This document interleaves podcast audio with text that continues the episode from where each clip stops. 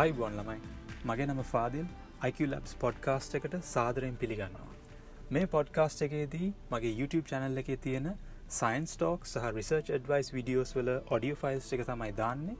ඕට මේකේ විඩියෝස් බාන්න ඕන්නම් කරුණා කරලා YouTube චැනල් එකට යන්න youtube.com/iqlabs කියල ගහලා.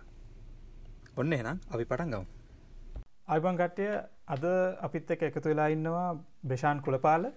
ආචාර්ය බේෂාන් කුලපාල මම මෙයාව දන්නේ ස්කවටිං කරන හින්දා. මොකද මෙයාමට බේෂාන් අහිය. මෙයා තමයි බේගා ඉනවේෂන්ස් වල ඩිරෙක්ට එත් එක්කම ප්‍රධාන එන්ජිනීරුවරයා ඉතින් මට ඕන වනේ අද සෙග්මන්ට් එකේදී කතා කරන්න ලංකාවේ ඉනවේෂන් නැත නවනිපැවි මොන වගේද? එත් එක්කම මොනවගේ තැනද තියන්නේ? එත් එකම කායගේ ඩීටල්ස් එත් එක්කම බේෂාන් අයගේ ගැන කොහොමද පටන් ගත්ත තැන අන්න වගේ දේවල් කතා කරන්න. ඉතින් අයිබොන් කියල පිළිගන්නවා දවශන්නය අපේ ප්‍රෝග්‍රම් එකට. අයිබෝන් අය අපි වගේ ළමා කාලය ගැන කතා කරමු. කොහොඳ මේ ඔක්කොම් පටන් ගත්තේ? මම ගියේ ශාන්ත තෝමස් සිද්දාලට ගල් කිස්සේ. මං හිතන්නේ පොඩි කාලේ එච්චරම මේ හොඳට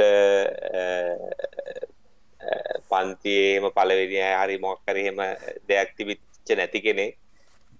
ගොඩක්ම සාමාන්‍ය ළමාවියත් තමයි තියෙන්නේ.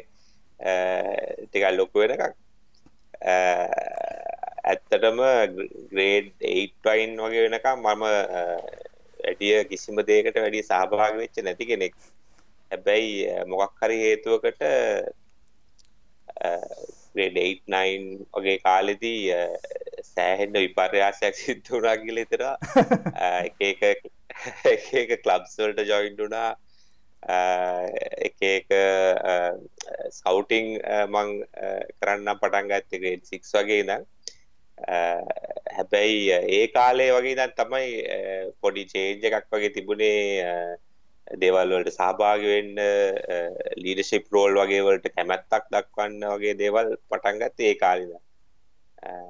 ඇත්තටම මේ ඉලෙක්ට්‍රොනික් සම්බන්ධයෙන් නම් කියන්න ඕනේ මම රේඩියෝ ක්ලබ් කියලා අපේ තිබුණා ඉස්කෝලේ. ඔයාලා මතක ඇති ඉස්සර ඔක්කොම ඉස්කෝලේ ඉවෙන්ට් වලට සවුන්ඩ් හයි කරන්නේ. හැමතිස්සම බැනුමාන සෙට් එක. හරහා. හැමතිස්සම බැනුම් ගන්නෙත් අපි Äh, එතකොට ඒ දවස්වල එහෙම වැඩිපුර කියුප්මන්ට් තිබුණෙත් නැහැ. ගොඩක්ම äh, අපිමක් හදාගෙන ශේප් චැම්පලිෆයර් මයික් ස්පීකස් වගේ දේවල් තමයි තිබුණේ. ඉතිං äh, ඒවා ගලවගෙන ඒවා දිනෙදා තියෙන වැඩ කරගෙන ඒවට එක එක කෑලි හයි කරගෙන වගේ තමයි මං හිතන්නේ මේ මේ ඉලෙක්ට්‍රොනික්ස් කියන එකට ටිකක් ඇඟට ආවේ. එහිද ළමාවිය ගොඩක් වැදගත්වෙනවා මං හිතන්නේ දැක් කරන දේවල් එක බල එතකොට මේ ඇමරිකාවට යනවා වගේ අන්ඩගජ සඩිස්වල්ට ඊට පස්සේ වගේ පHටක් කරන්න. මේ මොනවගේ දෙතන ජීවිතය කියන්නේ? පH ලයිෆ් ගැන අපි කතා කරමුකෝ ඔවු මම වස්සර දෙදාහේ ජනවාරවල තමයි රටින් යන්නේ අන්ඩගඩ් එක ඉතුරු අවුරුත් එක් කරන්න. මං ඊට කලින් අවුරුද් දෙකක් ලංකාවේ අයිටස් කියන ආයතනය තමයි ඉගෙන ගත්තේ. පළවෙනි මං කෙන්ටකි ගිහිල්ලා එතන අන්ඩග්‍රෑන්ඩ් එක ඉවර කළා. ඇරිසෝනා වලට මුමුණා මොකද අපේ මගේ අක්කා ඉන්න ජීවත් වෙන්නේ ඇරිසෝනා වල. එහෙ මාස්ටර්ස් කරලා PhD එක පටන් ගන්න තමයි මම වැඩ කරන ගමන් තමයි එකේ ගොඩක් හරියක් කරේ. PhD එක ගැන කියනවා නම් ඉතින් සෑහෙන්න මේ සෑහෙන් කට්ටක් ආපු වැඩක් කෙලිතෙනවා මටත් තේරෙනවා මොකද රීසර්ච් කරද්දී ගොඩක් අන්නෝන්ස් තියෙනවා. අපි දන්න දේවල්න්නේ කොහොමත් රීසර්ච් එක බලාපොරොත්තුයි ඉතින් ඒවයි මොකක් හරි වැදගත් දෙයක් හම්බුවෙයිද ලෝකෙට මොක්හරි දෙයක් පෙන්ඩුම් කරලා පේපර්ස් පබ්ලිෂ් කරගෙන මොක්හරි ඉම්පෝර්ට් දෙකට සෙට්වෙන්ඩ පුළුවන්ද කියන එක ගොඩක් වෙලාවට අන්න ඕන් ඉතිං ඒක මට නිකම් පේන නිකම් මැනිකාරවාගේ වැඩ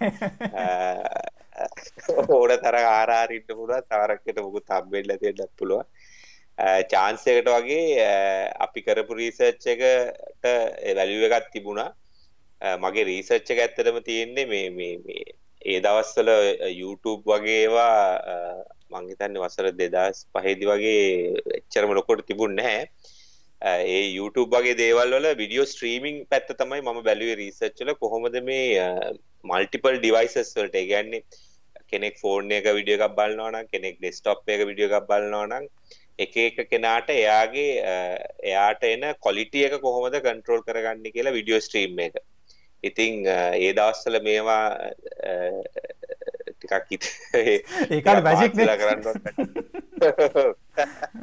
ඒවරට තැන් පල්ලකොට ඔප්ෂන් වලට ගිල්ලා රෙසලූෂන් සෙට් කරන්න පුළුවන් කොලිටි සෙට් කාන්ඩ පුල ඇති මේ මහදවල් නෙමේ දැන්. ඉතිං මේ මං හිතන්නේ ගොඩක් රීසර්ච් උත් ඒ වගේ තමයි ඒ දවස්වල ගොඩක් අමාරුවෙන් කවුරු කරපු දේවල් දැන් පාවිච්චි කරනකොට ඒවා ගොඩක් සිම්ප්ලිෆයි වෙලා තියෙනවා. ඒවා ඇල්ගොරිතම් වලට ගිහින් අපි දන්නෙත් නෑ මේ දේවල් යටින් සිද්ධ වෙනවා කියලා. ඉතින් හැබැයි අපි කරපු පේපර්ස් ටික ඉක්මනට පබ්ලිෂ් කරගන්න පුළුවන් වුණා. ඒ හින්දා මං හිතන්නේ PhD එක අවුරුදු හතරක වගේ කාලෙකින් ඉවර කරගන්න පුළුවන් වුණා. ඊට පස්සේ ඔයාට ඉන්ටෙල් වලට වැඩ කරන්න චාන්සයක් සෙට් වෙනවා නේද? ඔව් ඇත්තටම මම ඉස්කෝලේ මේ මේ යුනිවර්සිටි යන ගමන් තමයි ඉන්ටෙල් වල ඉන්ටර්න්ෂිප් එක පටන් ගත්තේ. අපිට ඒ දවස්වල ලංකාවේ ගොඩාක් දෙනෙක් ඇරිසෝනා වල ඉන්ටෙල් එක වැඩ කරනවා. ඒ කෙනෙක් මාර්ගයෙන් තමයි සෑම් කියලා කෙනෙක් මාර්ගයෙන් තමයි මේ මම ඉන්ටෙල් එකේ ඉන්ටර්න්ෂිප් එක පටන් ගන්නේ. ඊට පස්සේ ඒගොල්ලෝ මාව එහෙමම හය කරා දිගටම ඒ ටීම් එකේ ඉන්න ඕනේ කියලා. ඉතින් ඒ වෙනකොට මම PhD ගේ භාගයක් වගේ තමයි කරලා තිබුණේ ඩිස්ටේෂන් එහෙම ලියන්න පටන් ගන්න තිබුණෙත් නැහැ. වැඩ කරන ගමන් PhD කරනවා කියන්නේ ඊටත් වඩා අමාරු දෙයක්. මොකද ඇත්තටම PhD එකක් කියන එක ඕනම වෙන්න ඕනේ වැඩ කරන ගමන් කරන්න. මොකද මේ අතරත් කීයක් හරි හම්බ වෙනවා PhD එක කියලා. ඒ හින්දා ටිකක් මං හිතන්නේ පහ වුණා මාස ගානක් පොඩ්ඩක් කම්මැලි වගේ වෙගෙන ගිහිල්ලා. මගේ ප්‍රොෆෙසර් රීස්ලන් කියලා මේ එහෙම අනම් මනං ඩිලේ වලට කිසිම කැමැත්තක් නැති කෙනෙක් හින්දා වෙලාවට වැඩේ තියෙන්න ඕනේ. ඒ හින්දා මං හිතන්නේ මං ආයි මොටිවේටඩ් වෙලා වැඩේ ඉවර කරගත්ත කොහොමද එහෙමයි. මොකද මට ආරංචි වුණා ඉන්ටෙල් එක වැඩ කරන කාලේ තමයි ඒගොල්ලන් කෝ i3 ප්‍රොසෙසර් චිප් එක හදන්න පටන් ගත්තේනේ. එතකොට මට දැනගන්න ඕනේ ඒ වැඩ කරන තැනේ මිනිසුන්ගේ ආකල්ප මොන වගේද? ඒ කියන්නේ ඇටිටියුඩ්ස්. ඒ කියන්නේ ලංකාවත් එක්ක කම්පෙයාර් කරලා බලද්දි කොහොමද ඒගොල්ලන් ඒ වගේ තැනකට යන්නේ? ඇත්තටම ඉන්ටෙල් එක බැලුවම ඇතුළට ගියාන් පස්සේ ගොඩක්ම ඉන්නේ පිට රටවල් වල කට්ටිය. ඇමරිකා ඉන්නවා. හැබැයි ඉන්ඩියන් පකිස්තාන් චයිනීස් ඒ රටවල්ලින් තමයි ගොඩක් වෙන්නේ. ලංකාව ඉන්නවා ඇති අපේ ගාන්ට. පස්සෙ කාලක මම හයරිං වලට ඉන්ටියව් කරද්දිත් පෙනුච්ච දෙයක් තමයි මේ මේ ඒෂයන් කට්ටිය තමයි ඉන්ටර්වියවල හොඳටම කරන්නේ. ඉතිං ඉංජිනීරිං පැත්තෙන් බැලුවම මට තේරිච්ච දෙයක් තමයි මේ දැන් අපි කියනවානේ අපේ එඩියුකේෂන් සිස්ටම් එක හරි නෑ නම් මන ප්‍රශ්න තියෙනවා කියලා ඒ වුණාට මේ කට්ටිය තමයි හොඳටම කරන්නේ. දැන් ඉන්දියාව පාකිස්තානයේ ඔක්කොම එක වගේ එඩියුකේෂන් සිස්ටම් එකනේ තියෙන්නේ. ඔව්. ඉතින් තේරුම් ගිය දෙයක් තමයි මේ ඒ ඒ කම්පැනි එකෙන් ඒ කම්පැනි එකෙන් මේ අපි වගේ කට්ටියව පාවිච්චි කරන්න දන්නවා ඒකෙන් ලාභ ලබන්න. මම හිතන්නේ කෝමත් සුද්දයි කාලි දම්ප කරයකනේ ඒක හොඳටම කරලා තියන්නේ. ගැන අපේ අපේ තියෙන එක්ස්පටීස් අපේ තියෙන මොනොහරි ටැලන්ට එකත් තියෙනවනම් ඒවා ඒගොල්ලො පොයල බලලා ඒකෙන් ලොකු පිම්මක් පනින්න ඒගොලොන්ට පුළුවන්. දැන් අපිට චැලෙන්ජ කලා තියන්නේ අපි නිකං එකතු වෙලා කරනකොට ඕක ගොඩක් අමාරුයි. මොකද අපිට ඒක මොක්කරි අඩුපාඩුවත් තියෙනවා ඒ සුද්ද තන්න දේ කරගන්න. ඉතිං ඒක තැ මන්නන් ලොකොඩියම්ම ඉගෙන ගත්තේ. ඇත්තටම ඉන්ටෙල් වගේ එකක් ඒ ගොඩ්ඩක් මිස්ට්‍ර වෙලා තියෙන හින්දා එහෙම මේ රේසිසම් වගේ දේවල් එහෙම ලොකුවට හිතෙන්නේ නැහැ.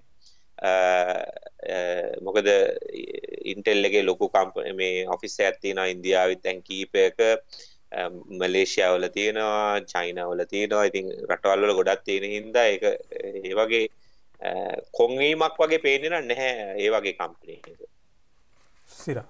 එකන ඇමරිකන්ස් අතර හොඳ මේ හිමන් රිසෝස් මැනේජස් ලන එකන මැනේජ් කරන්න පුළන් ප්‍රොජෙක්ස් අනිවාර් අනිවාරෙන් ඕ ඒගොල්ලෝ ප්‍රොසෙස් ඩිවන් මාකට් එකක් ස්ටඩි කරලා කොහොමදේ මාකට්ටකට අවශ්‍යදේ මොකක්ද කියන එක ඉංජිනියරෝලිං පැත්තෙන් බලලා ටයිම් ලයින් සෙට් කරන ඒවා. ඊට පස්සේ අවුරුදු හතරක් පහක් ඉස්සරහට වෙන දේවල් දැන් ප්‍රඩික් කරන එක වගේ දේවල් වලට නීමටම පුළුවන්. ඔයා කියන්නේ මම දෙදස් හයේ වගේ ෆස්ට මගේ පර්මණ ජොබ් එක ඉන්ටෙල්ල හම්බෙනකොට මම ජොයින් වුණා මීඩිය ස්ත්‍රීමිං කරන්න චිප් එක ඩිසයින් කරන්න. එතකොට ඕලො රිව කියලා. එක ඒක ප්‍රයිමරි කස්ටම තමයි ඇපල්ලුයි Googleලුයි ඉස්සර Apple TV කියලා Appleටත් තිබුණ ප්‍රඩක්් එකක්. Googleටත් තිබුණා මීඩිය ස්ට්‍රීමිං කරන්න. එතකොට මේ මැනේජස් ලැවිල්ල කියනවා දැන් ඉස්සරහට තවවුරුත් තුනහතරකින් මේ ගෙදර ටීවී බලන එක නැති වෙනවා. මේ මේ ඉන්ටර්නෙට් එකෙන් තමයි විඩියෝස් බලන්න කිය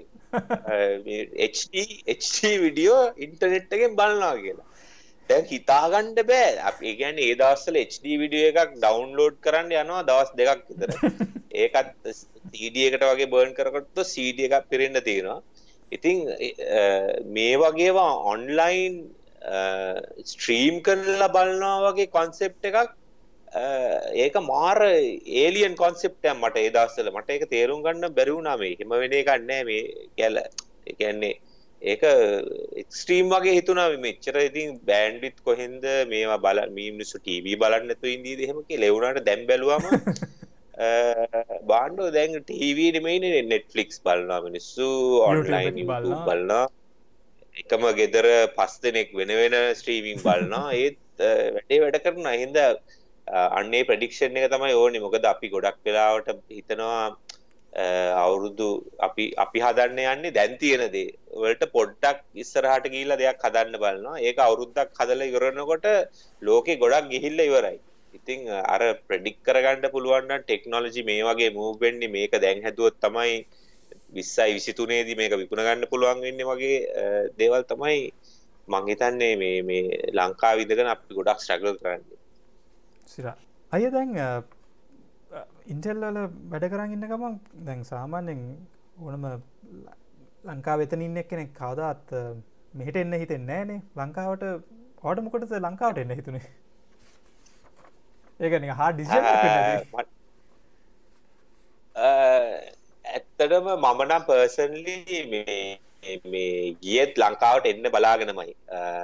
ඒ දවස්වල මේ ඉංජිනීරිං කරලා ලංකාවට ඇවිල මොනවාද කරන්න ඕනෙ කියලා දේවල් හිතුනම එදස්සල මේ ඩයිලොග් කියන කම්පනික තමයි තිබුණේ.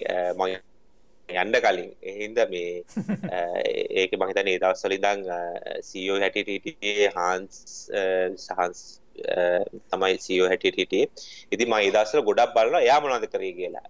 එදස්සල Google තිබුණෙත් නෑ දන්න විදියට ඇයට පිච්ටි එකක් තිබුණා ඉංජිනීරිං වලින්. ඊට පස්සේ MBA එකක් වගේ මං හිතන්නේ තිබුණා කියලා. මම මේ හාන්ස්ට කියලත් නෑ. මං යාව නිකන් එකපාරයි හම්බෙලා දින්නේ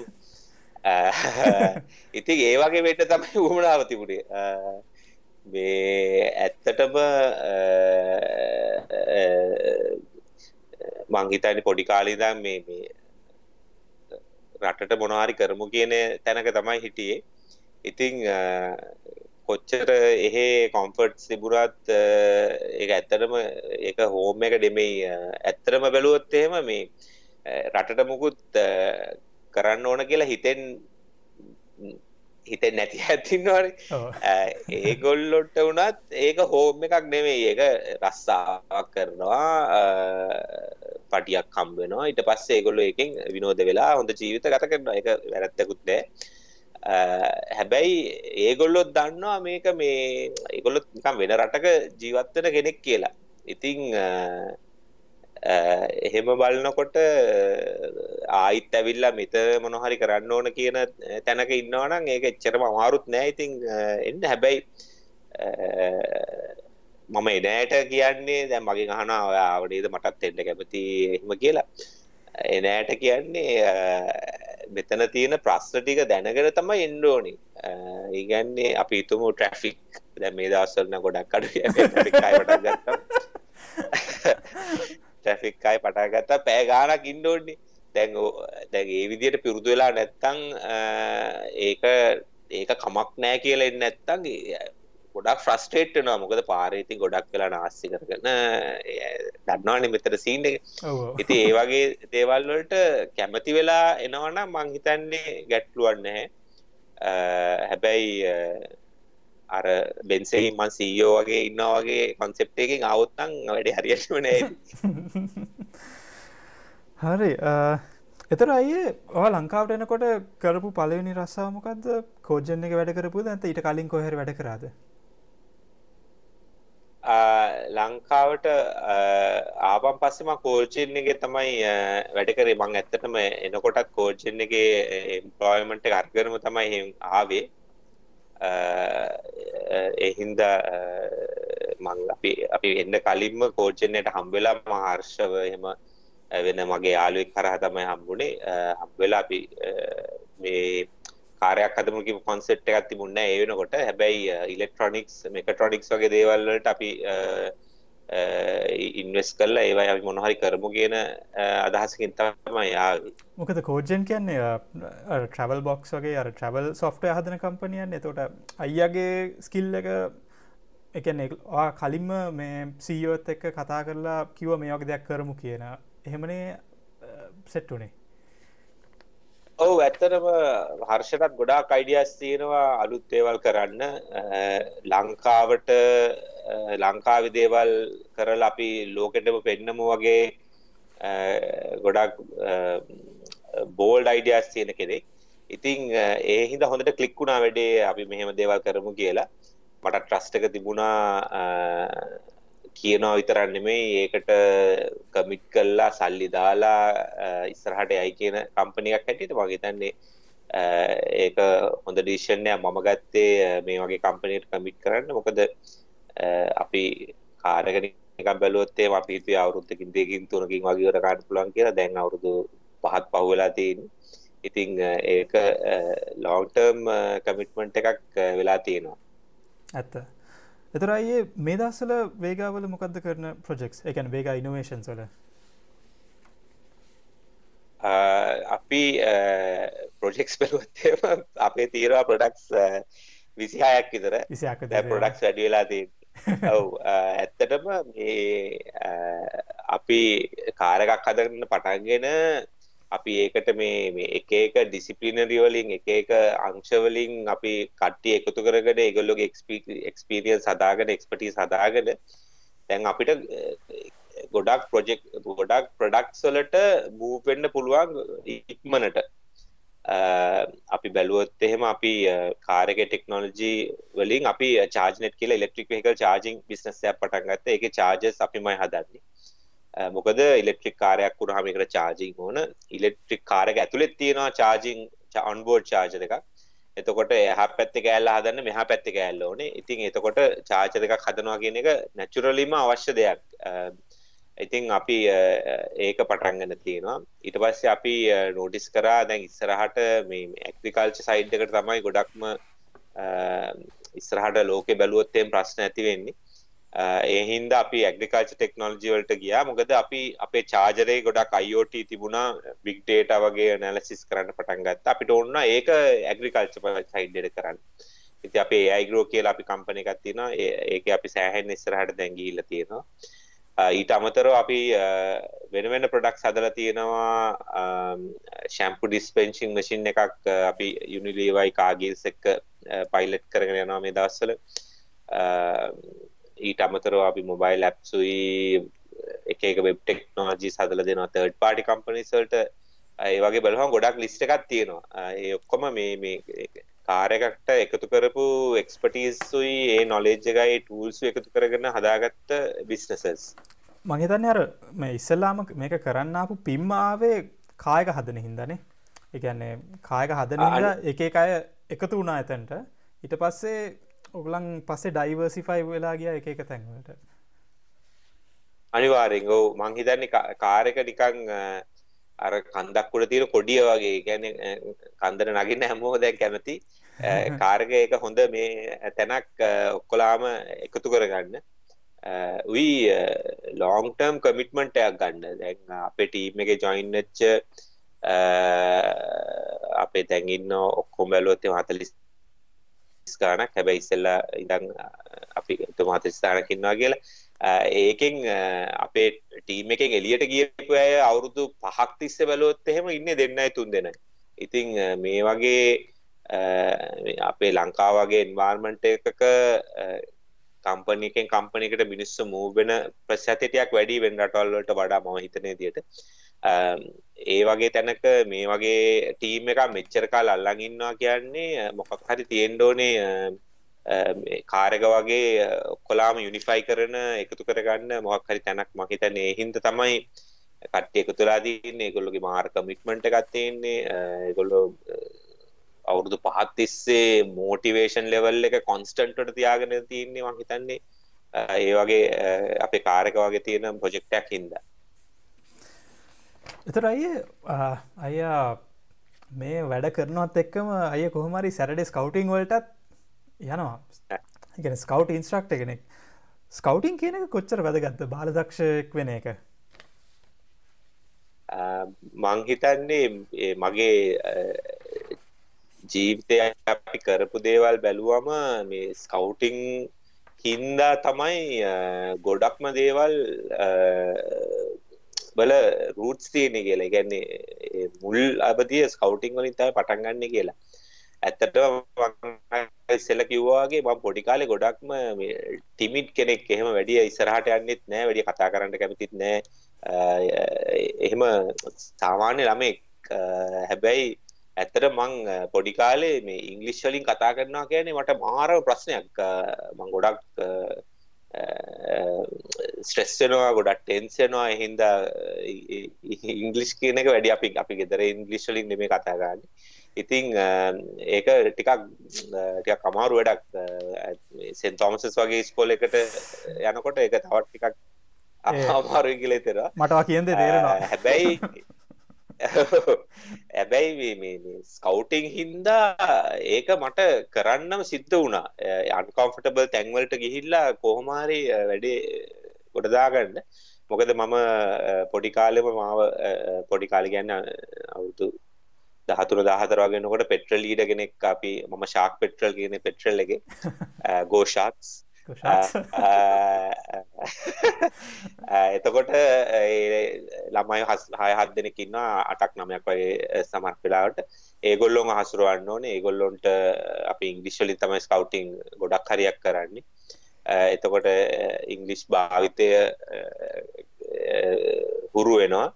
Uh, ඊට පස්සේ uh, අවුරුත් සෑවතුරතු දාහත දහට කාලෙදී ටරූප් uh, ලීඩ වුණා මම අපේ සික්සින් කලාම ස්කව් ටරූප් එක. එතකොට මුළු ටරූප් එකටම උදේට රැලී වෙලාවෙදි ගිහිල්ලා මේ මේ කොඩි උස්සලාන මන කරලා ඉංගලිස්වලින් කියන්න ඕනේ මේ ගදාපි මෙහෙම කරන්නේ මේ තැ ප්ලෑන්්න ගේම කියලා. මං හිතන්නේ ටරූප් ලීඩ මට කම දුන්නාව මට ලොකෝ බායතුමනි ඔය රැලිවලා ඉංගලිස්ලි කතා කරන එක. හැබැයි ඒකෙන් තමයි මගේ හිතේ තියෙන බයවල් අනම්මනං ගියේ. මංහිත නේහින්ද ස්කව්ටීන් තිබුණ නැත්ත මං මේ වගේ ස්ථානක කෝමත් ඉන්න එකක් නෑකර හිතෙනවා. ඒහින්ද ඒ ලොකු ලොකු හයක් වුණ. ඇතන තව කියන්න ඕනේ මේ අපි ස්කවටිං වල අපි දැ කැම්පරි වගේ ගිහාම මතක ඇති සමහරක් මේ කැම්පරිවල අපි උන බට වලින් හදන දේවල් නම් මනම් රෑ වෙනකම් හදන්න ඕනේ ඉලි වෙනකම් හදන්න ඕනේ හැදුවේ හැදුවේ තුරු බැරුම් ගන්න හැබැයි ලස්සට තියෙන්නත් ඕනේ. ඉතින් දැන් ඔය යුනිවර්සිටිය එහෙම යන කාලේ PhD එහෙම යන කාලේ කිසිම ඉමක් කොනක් නැතුව ඔහේ කරනකොට ඇයි මේක කරන්නේ කියලා හිතට මේ නිකන් ඩවුට්ස් වගේ එනවා කොට මේ කැම්පරි තමයි මටනම් මතක් වෙන්නේ. ගැන්නේ අරක දාගන එකම ගැටේ දිගටම කරන එක තමයි මතක් වෙන්නේ. හින්දා මං හිතන්නේ ළමයිට දෙන්න පුළුවන්නම් ලොකුම වැදගත්කම තියන්නේ ඒගොල්ලොන්ගේ ස්කවුටිං වගේ දෙයකට යවන්න ලීඩර්ෂිප් පුරුදු වෙනවා. එක එක පොතට නැති දේවල් පුරුදු වෙනවා. කෑම්පයක් වගේ යනකොට හයිකයක් වගේ යනකොට මේ අතේ ගෙනියන්න පුළුවන් මිනිමම් දේවල් වලින් මොනවද ගිහිලා කරන්න පුළුවන් කියලා පුරුදු වෙනවා. ඉතින් ඒ මම හිතන්නේ ඒවා ගොඩක් වැදගත් වෙනවා ජීවිතේ හොඳට කරගෙන යන්න. එතර අයේ දැම් මේක ඒක කායක හදන ගම මිනිස්සු ඕගලන්ට කියපු කතාක වැඩේ හරියන්න කියලා හිතම දවස් ඇතිනේ අපොඩ්ඩ ඔයකොන් කතා කර අනිවා ඇත්තට මිනිස්සු විතරට ගෙදර ඇත් ගොඩක් කියලා මේක මොකක්දේ පුතා කරන්න යන බරක් කියලා ඉස්සර තිබුණා මේ මේ ඇනුත්තේ මිනිස්සු දැන් මං කිව්වම ගිහින් බලයි elakiri.com එකේ හරි කොහොම හරි ත්‍රෙඩ්ස් තිබුණා මේ වේග කාර් එක ගැනම කතා කරන දේවල් මිනිස්සු. ඉතින් ඒකේ කමෙන්ට් එකෙන් බලලා අපි හරියට විනෝද වෙනවා. මොකද මේ ලංකාවේ අය මේ මේ ෆනි කමෙන්ට් දාන එකේ මං හිතන්නේ ලීඩින්. හොඳට මතක් වෙන එකක් තමයි අර අපි චැසි එක විතරක් හදලා ඒක අපි තල්ලු කර කර ඉන්න කාලේ මිනිස්සු කියනවා මේක මේ මේ මේ මේ බටමැස්සක් කියලා පතොලවන්න. ඉතින් සෑහෙන්න මේ සෑහෙන්න අලුත් දේවල් වලට අලුත් දේවල් රටේ කරන්න ගියාම ඇත්තටම අපි කල්චර් එකක් හැටියට මාර පිටිපස්සෙන් ඉන්නේ. අපි හැමෝම කතා වෙනවා මේ නව නිපැයුම් කරමු අපි රටේ හදමු පිට රට විකුණමු ඔහොම කිව්වට කරන්න ගියාම මේ සුද්ධ කරලා නැත්තම් මාරම චැලෙන්ජ් එකක් දැන් මේ කියන්නේ ඔච්චර දුර යන්න ඕනේ නැහැ. දැන් මේ අපි මේ දවස්වල මේ COVID-19 හින්දා කරන සමහරක් වැඩ අපෙන් රටේ රටේ යම් කිසි තැනක ඉන්න කට්ටිය අහන්නේ මේක පිටරට කරලා නෑ නේද? මේක මේක ඇමරිකාය කරලා නෑ චීනේ චීන සමහරත් දේවල් වලට හොඳයි හැබැයි චීනේ කරා කිව්වත් එච්චරම තාම නෑ. ඒක මේ මේ ඒක මදිකමක් වගේ. ඒ චීනේ කරෝ කිව්වොත් ආපෝ චීනේ ඔක කරා කියන්නේ ඔක වැඩි හිතලා නැතුව ඇති කියලා. ඒත් ඒකට බකට් එක තමයි දාන්නේ. ඉතින් ඉතින් හරි අමාරුයි වැඩක් කරන්න ගියා මොකද දැන් අපි සුද්ධ කරනකන් හිටියොත් එහෙම අපිට පිටරට විකුණන්න බෑනේ. එතකොට සුද්ධ කරලා ඉවරයිනේ. අපිත් එකක් ගෙන්නන්නේ බලන්න ඇත්ත කතා ඔව් මේක මාර මේ මං හිතන්නේ මේ මේ මේ මේ අපි මේ අධිරාජ්‍යවාදී රටක මේ අපි එහෙම අපිව පාලනය කරපු දෙයකින් එනවාද මන් දන්නේ? ඒ වගේ මෙන්ටැල්ටි එකක් තමයි තියෙන්නේ. හරිම හරි චැලෙන්ජ් ඉති කාර් එකක් වගේ එකක් රටක හදනවා කිව්වම ඒක මේ මේ හිතාගන්න බෑ. ඇත්තට මම මේ මේ මට මේක ගැන වැඩිය හැඟීමක් තිබුණේ මම 2000 ඒ 14 ආවම 13 ආවම. එහින්දා මේ ඒකත් හොඳ වෙන්න ඇති මට එම තිබුණ නැති එක. නැත්තම් දැන් මමත් දැන් මේ වගේ තැනක ඉඳගෙන මට කවුරු හරි කිව්වොත් අපි රොකට් එකක් හදමු කියලා. දැන් හැකියුත් මමත් වෙලා තියෙන්නේ. හැබැයි එතකොට ඒ දවස්වල මම මගේ තියෙන අඩුපාඩු වලට මම ටීවී එකේ ගිහිල්ලා නිවස් වල කිව්වා අපි ලැම්බෝගිනියට ගහන්න තමයි මේ හදන්නේ. අපි අපිට පුළුවන් එහෙම කියලා. ඒවත ගොඩක් ඉතින් මිනිස්සුන්ගේ ෆීඩ්බැක් ගන්න වුණා මේ ලැම්බෝගිනියට ගහන කාර් හදන්න කලින් ත්‍රී වීල් එකක් හදපන්. නැත්තම් පොඩි කාර් එකක් හැදුවා නම් හොඳ නැද්ද? එහෙම කියලා ඉතින් ඒවයින් අපි ගොඩක් ශක්තිමත් වුණා මිසක් අපිව තුරුවල කරන්න නම් බැරි වුණා ස්තැංකව බේෂණයි මේක ෂය කරට. එත්තක බයි මට දැනගන්න ඕනේ දැ බේෂාන් අයගේ ටීම් එකට සිලෙක්ටවෙන්න මොකද අය බලන්න කොලිෆිකේන්ස් පේප කොලිෆිකේන්ස් විතරම්ම බලන්නවද නැත මොනවාගේද ඇටිටියල්සවාට ඕනේ? අපි ඇත්තටම මේ පේප කොලිෆිකේන්ස් වැඩිය බලන්නේ වනෑ සමහරක්කෑගේ මම මේ ඒගොල්ලෝ ජීපේ හරි යුනිවසිටි ගජුවට් වනාද කියලා සටිකෙක්ටත් මන්නං බලලාම නැති ගාන්ට තියෙන්නේ. ඒක මේ එකැන කම්පනිකක් හැටියට අපේ කෝජ්ජෙන් ආයතයට ගන්නකොට ඒගොල්ලොගේ චාරක හර බැලෙනවා. ඒ වුණාට මේ පේප කොලිෆිකේෂන් සොල්ට වඩා අපි බලන්නේ කොච්චර ඉස්කෝලට අමතරව මොනවාද කරේ කියලා. ඉතින් අපි අහන ප්‍රශ්නයක් තමයි දැන් ඒගොල්ලෝ කියනවා අපි මම මේ ප්‍රොජෙක්ට් එක කරා මම මේ රෝබෝට් ඇදුවා. අර මේ ලයින් ෆොලවිං රෝබෝට් තමයි හැමෝම සාමාන්‍ය කරට්ටේ ඒකත් පුදුම කරුමයක් කියලා තියන්නේ. මොකද හැමෝම ලයින් ෆොලවිං රෝබෝට් හදනවා. කිසිම ඉමක් කොනක් නැතු කොහමරි ඉතින් අපි අහන්නේ නෑ ලයින් ෆොලවිං රෝබෝට් නෙමෙයි ඒට අමතරව ගෙදරීදම් මොනවාද හැදුවේ? ස්කෝලට අවශ්‍ය නැති දේවල් මොනාද කරේ කියලා. එතකොට 100ට 60ක් 70ක් විතර කැපෙනවා. මොකද ගොඩක් ඇයි එහෙම කරලා නෑ ඉතින්. ඒගොල්ලෝ ස්කෝල්ට අවශ්‍ය දේවල් කරනවා යුනිවර්සිටියකට අවශ්‍ය දේවල් කරනවා. ඊට අමතරව පිට දෙයක්කට සෙට් වෙලා නෑ. හැබැයි එහෙමත් කීප දෙනෙක් තමයි ගෙදර ඉඳගෙන අපි මං ඇම්ප්ලිෆයර් එකක් හැදුවා. නැත්නම් මම මෙහෙම IoT එකක් හැදුවා මගේ ගෙදර පොම්පේ පොම්පේ ඔන් ඔෆ් කරන්න පුළුවන් මට ෆෝන් එකේ ඉඳන් හරි. ඒ වගේ දේවල් බැලුවම අපි යන්නේ ඒගොල්ලෝ පස්සේ යනවා මොකද ඒගොල්ලොන්ට මොකක් හරි මේ මේ කුතුහලයක් තියෙනවා ඇම්මක් තියෙනවා මේ මේ මේ වගේ දේවල් පස්සේ ගිහිල්ලා අලුත් දේවල් නිර්මාණය කරන්න. එතකොට අපි බලන්න යන්නේ මේ වගේ qualities. ඇත්තටම මේ මේ තව ප්‍රශ්නයක් තමයි අපිට අපි බලන්න ගියාම සමහරක් අය හිතනවා ඒගොල්ලෝ නව නිර්මාණයක් කරා පලියට ඒගොල්ලෝ ඔක්කොම දන්නවා ඇති කියලා. ඉතින් අන්න ඒ වගේ අයවත් අපි ටිකක් ෆිල්ට කරගන්න බලනවා. මොකද ඒගොල්ලොන්ට අලුත් දේවල් උගන්නන්න අමාරු ඒගොල්ලොන්ට අනිත් අයගේ ෆීඩ්බැක් අරගෙන වෙනස් වෙන්න අමාරු කට්ටියකුත් ඉන්නවා. ඉතිං ඇත්තටම මේ කාහන කවවාර ඉන්නවානං මේ වගේ දෙවල්ල ඉන්ට්‍රස්ටඩ් ගොඩක් ඕපන් මයින්ඩ වෙන්න ඕනේ. මොකද අපි හිතන විදිහට නෙමේ සමාරක්වලට දේවල් වෙන්න. ඊට වඩා හොඳ දේවල් තියෙනවා හොඳ විදි තියෙනවා. ඉතින් වෙනස් වෙන්න පුළුවන් වෙන්න ඕනේ. ඒ වගේ දේවල්වලට කැමති වෙන්න ඕනේ. ඇති ඒක ගොඩක් ඉම්පෝන්ට් මේ අප වගේ ටීමර් ජොයින් වෙනකොට. අහේ එතකොට දැන් ඕලෙවල් ඒලෙවල් ඉස්කෝල මට්ටම දැන් අපේ අධ්‍යාපන ක්‍රමය ගත්තහම ගොඩක් බලන් ළමයි දාල් අම්බරනවනේ මේක කරපාන් අර කරන්න ඉංජිනිය කෙනෙක් වෙන්න ඕනේ ඩොක්ට කෙනෙක් වෙන්න ඕනේ. මේ වගේ ළමයින්ට මොකක්ද අයිය දෙන එඩ්වයිස් එක? එක මේගේ ක්‍රියේටව් විදියට හිතන්න ඔරිජිනල් ඉනෝවේෂන් කරන්න කොහොම දේ ළමයි පටන් ගන්න ඕනේ?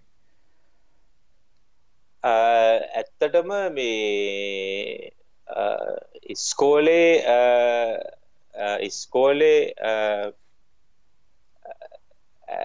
ඉස්කෝලෙ කරන පාඩන් වලින් මං හිතන්නේ හැන්සෝන් ට්‍රේනිං ගන්නන කොහොමත් අමාරුයි. මොකද ගොඩක් වෙලාට ලැබ්බයක මොනහරි කරත් ඒක තියෙන සුළුක් වෙලාවකන කරන්න තියන්නේ. ඉතිං දැන් ඉස්සර වගේ නම් මයික්‍ර කන්ට්‍රෝලයක් අරගෙන මොනහරි එල්ලඩ එකක් පත්තු කරනවා කියන්නේ ලොකු වැඩක්. මොකද ඒ දවස්සල සර්කිට් බෝඩ් එකක් කියන එක ඔය කඩේකට ගීලා අමාරුවෙන් හොයාගෙන ඒවා පාස්සලා තමයි වැඩි සෙට් මයික්‍ර කන්ට්‍රෝල්ල කියන ඒවා ඒ දවස්සල තිබුණෙත්න හැබැයි දැන්හෙම නම් කිසිම එක්ස්කියස්ස ගන්නෑ දැන් රුපියල් තුන් හාරසියටත් ගන්න පුළුවන් ඩිවලප්මන්් කිට්ට එකක්. රුපියල් දාහක් වගේ වියදංකරොත් හොඳටම ගන්න පුළුවන්. ඒකක් අරගෙන තමන්ගේ කම්පියුටරේකට කනෙක් කරගන්න එක දැන් පොඩි ළමානුත් කරනවන්. ඉතින් දැන් ළමයින්ට දැන් මේ පැත්තර ඉන්ට්‍රෙස්ට තියෙනයට එක්ස්කියස් එකක් නැහැ. මේ මට කරන්න බැරි වුණා. මට වගේ රීසෝසස් නෑ. හෙම කියන එකට දැන් එක්ස්කියස් යන්න මොකද හොඳ ෆෝර්නයක් ගන්න පුළුවන් ආඩින එකක් ගන්න පුළුවන් ඉන්න පෑ මොකද ඒක රුපියල් 3000ක් තියෙනවා අලුත් පිට. යූස් එක ඊටත් වඩා අඩුවට ගන්න පුළුවන්. ඉතින් මම දන්නවා සමහරක් අයට මේ මේවා තාමත් අමාරුයි ගන්න. අපේ රටේ ගොඩක් කන්න අඳින්නත් අමාරු කට්ටිය ඉන්නවනේ. කොහොම හරි යුනිවර්සිටි ගිහිල්ලා පාස් වෙලා තැනකට එන්න බලන මට තේරෙනවා ඒ කට්ටියකුත් ඉන්නවා. මම කියන්නේ සාමාන්‍ය වශයෙන් ගත්තොත් එහෙම දැන් එක්ස්කියුස් එක ටිකක් අඩු වෙගෙන යන්නේ. ඉතිං ඒ වගේ තැනක ඉඳගෙන මංහිතන්නේ මේ වගේ දේවල් එක්ස්පෙරිමෙන්ට් කල්ල බල්ලා ඒවා පොඩ්ඩක් අරගෙන අතපත ගාලා මොකක්ද මේ කරන්න පුළුවන් කියන ඒවා බලන එක ගොඩක් ඉම්පෝර්ටන් උයි දැන් ආඩිනෝ වගේ ඒවා පාහය වසල ළමයිනුත් අරගෙන කරනවා ඉතිං ආඩිනෝවලටම හිරවෙන්න එකත් ගොඩ ලොකු අඩු පාඩුවක් හැටියට මන් දකින්නේ. මොකද ඊට වඩා ඇඩ්වාන්ස් දේවල් තියෙනවා. ඇත්තටම තමන්ට ගණ්ඩ බැන්ඩං යුනිවසිටියගේ තියෙනවාගේ පාවිච්චි කරන්න පුළුවන්. ඊට පස්සේ මේ මේ ලයින් ෆොලවිං රෝබාට් මහදන්න නැතුව වෙන අලුත් ප්‍රොජෙක්් කරන පැත්ත බලන්ඩෝනි මොකද අරක දැන් අවුරදු ගානත් තිස්ස අපි කරනවා. අවුරදු ගානත් තිස්සේ ඒකම් පිටිෂන් එකම කරනවා පොඩි පොඩි වෙනස්කං එක. ඒකෙන් වැඩිය ටෙක්නෝජිකේ දේවයිති දැම් මූබෙන අඩුයි. එහින්ද බලන්න ඕන ඉදිරියට වෙනස් මොනවාද කරන්න පුළුවන් කියලා. ඉතින් මේ වගේ දේවල් ඉම්පෝර්ට් කියල තැම මං හිතන්නේ. ඊට පස්සේ අයි දැන් වේකාවල අනාගතය මොකක්ද මොකද මගේ සබස්ක්‍රයිපර්ස්ල අහන දෙයක් තමයි කවදද මේක ලෝන්ච් ඩේට් එක ෆැක්ටර එකක් එයිද මෙතැන්ට අන්නේ වගේ දේවල්. ඔවු දැන් අපි ඇත්තරම ජීව වාහන ජිනිමවලට ගෙනනිච්චේ ලෝකෙට පෙන්නලා වෙන කාකම්පනිස්වලට පෙන්නලා ඒගොල්ලොගේ ඉන්ට්‍රස්ට එක දිනාගෙන අපිට ඉන්වෙස් කරලා මේ කාරක ඉදිරියට ගෙනියන්න. ඉතින් අපි මේ කොවිD-19 හින්දා ඒ ජිනිම වැඩි කැන්සල් වුණාම එක ලොකු පසු බැස්මක් හැටියට පේනවා. මොකද අපේ ගොඩත් තිවිච්ච ගෝල් සෙතනින් ඉදිරියට ගෙනියන්න බැරිවෙච්චක් ගැන හැබැයි අපි අපි ඔන්ලයින් ෂෝකෙස්සෙක් කරලා අපි දැන් කම්පනිස් වලට කෙලින්ම කතා කරලා ඉතින් ඒක අඩුපාඩු හදාගන්න බලනවා. මොකද මේක කොවිD-19 වුණා කියලා ඉතින් අඩාන්න ගෙදරින්නක් බැරිහින්ද එහින්ද ඒවත් හිමිටමිට ඉදිරියට යනවා. වෙන කාකම්පනිසුත් දැන් මේ දවසරන ගොඩක්ම ස්ට්‍රගල් කරනවා. ඒගොල්ලොන් ගෙත් ඉතින් ඔක්කොම් ප්‍රඩක්ෂන් නැවතිලා හෙම හින්ද. අපිට මම දකිනවා ඒකත් තාව පොසිටිව් දෙයක් හැටියට. මොකද ඒගොල්ලොත් බලයි කොහොමද කොස්ට එක අඩුවට රීසර්ච් කරගන්නේ? කොහොමද කොස්ට එක අඩුවට ආරන්ඩ කරගන්නේ? වෙන මොනවාද මේ ඒගොල්ලොගේ රටින් පිට? මේ වගේ ඒෂයන් කන්ට්‍රීසල මේ එක්ස්පර්ට් ටීම්ස් කොහෙද ඉන්නේ? ලෝකොස්ටට වැඩ කරගන්න කියලා. එතකොට මං හිතන්නේ අපිට ඒ වගේ තැන්වලට ලංකාව ප්ලග් වෙන්න පුළුවන්. එහින්ද හැමදේකම අර සිල්ව ලයිනින් එකක් තියෙනවා වගේ කියනවා වගේම මේ මේකෙත් අපිට පුළුවන් වෙයි යන්න. ඒ වගේ දෙයක් පෙන්නලා මෙන්න මෙහෙම ටීම් එකක් මේ වගේ කොස්ට් එන්විලප්යක් ඇතුලේ වැඩ කරව ගන්න පුළුවන් වගේ අවස්ථාවක්. එහින්ද අපිට ඕනේ මේ කාර්යක කොහොම හරි ප්‍රොඩක්ෂන් වලට ගෙනියන්න. ප්‍රඩක්ෂන් වලට ගෙනියන්න කලින් අපිට මේක කිලෝමීට හයිසි පනා කත්සියක් වගේ දුර යන විදිහට බැට්‍රි පැක් එක අපිට වෙනස් කරන්න ඕනි. ඉතින් අපි හිතනවා ඒකට අවුරුද්දක් අවුරුදු දෙක හමාරක විතර තව වැඩ තියෙනවා. ඒ ඔක්කොම සාර්ථකව කරගන්න අපිට ඉන්වෙස්ටර්ස්ලා ඕනි. මොකද දැන් තියෙන ටීම් සයිස් එකෙන් කරන්න අමාරුයි. අපි ඉක්මනට එක්ස්පෑන්ඩ් වෙන්න වෙනවා. ඉතින් ඒ හින්දා තමයි අපි ඉන්වෙස්ට් එකනේ බලන්නේ. හැබැයි අනිවාර්යයෙන්ම අපි කාර් එක මැනුෆැක්චරින් ගෙනියන්න තමයි අපේ ප්‍රාර්ථනාව තියෙන්නේ. අයි අන්තිම ප්‍රශ්නය දැන් මම මම ඇතුළ ගොඩක් ළමයි මෙතන PHD එකක් කරන ගමන් ඉන්නේ. දැන් ගොඩක් විට අපිට තියෙන ප්‍රශ්න තමයි අපිට කොහොම දෙක මොකක් රිසර්ච් එකක් ලංකාවට ගෙනල්ලා එක ප්‍රොටෝටයිපයක් ඇටලිස්ට මෙහ තැනකට ඉන්ට්‍රඩියස් කරලා අපිට ඒක හදන්න පලට්ෆෝර්මයක් එහෙම තියෙනවාද? එක නලුත් අයිඩිය එකක් ප්‍රොටයිප් ඉදං කමර්ශල් ප්‍රඩක්ටයක් හැටියට ගෙනියන්න හෙම තැන් තියෙනවද ලංකාවේ? කොහොමද අය දකින්නේ? ස්ටාර්ටප්ස්වල්ට අතහිත දෙන්න තැන් කීපයක් තියෙනවා හැච් වගේ ආයතන තුළින් මම ඇත්තට මවංක ඔයවයි ගොඩක්ම ඩීටස් දන්නේ නැහැ. ඇත්තටම ලංකාවේ නවනිපැයිම් වගේ බැලුවම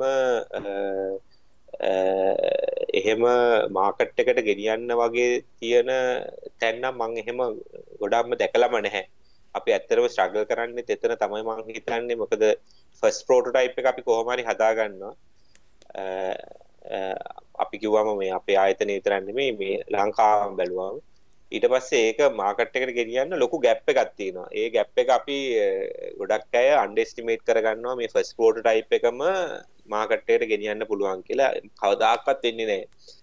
ඒක ගොඩාක් තව එන්ජිනියර් කරලා තව ඒක ඒක යූසර් පැත්තෙන් තව ඉන්පුට් අරගෙන මාකටිං සයිඩ් එකෙන් ඉන්පුට් අරගෙන තමයි බලන්න ඕනේ මේක මොන කොස්ට් එකට කාටද කවදද විකුණන්න පුළුවන් කියලා. ඉතින් ඒ වගේ අයිඩියාස් දැන් PhD කරන්නයට පිටරට ඉන්නයට හොඳ ඇල්ගොරිදම්යක් හරි මොනහරි අයිඩිය එකක් තියෙනවා නම් ඇත්තටම බලන්ඩෝනේ ඒක හින්දා කොස්ට එක අඩු කරගන්න පුළුවන්ද ඒක හින්දා මොක්හරි ප්‍රඩක්් එක වැලිුව එක වැඩි කරගන්න පුළුවන්ද අන්න ඒ වගේ දේවල් අනේම පුළුවන්නම් එතකොට මං හිතන්නේ මෙහි ලෝකල් ටීම් එකක් එකතු කරගන්න පුළුවන් වෙයි ඒ වගේ අයිඩියා එකක් ඉදිරියට ගෙනියන්න. එතකොට ඒ වගේ අයිඩියා එකක ඒකේ ටීම් එක හසුරුවගෙන ඒක මාකට් එකට ගෙනියන්න පුළුවන් එක්ස්පීරියන්ස් එක දැනුම ඒ PhD කරන එකට පුළුවන් වෙයි. ස්පෙෂලි පිට රටක ඉන්නවනම්. මොකද එතකොට ඒගොල්ලොන්ට තව එක්ස්පෝෂර් හම්බ වෙනවා. සිලිකන් වැලියකට ගිහින් කාට හරි ඕන කතා කරන්න පුළුවන්. දැන් මෙහි ඉඳගෙන ඕක කරන්න අමාරුයිනේ. ඉතින් එහින්දා ඒකේ ගොඩක් වැලියු එකක් මට පේනවා.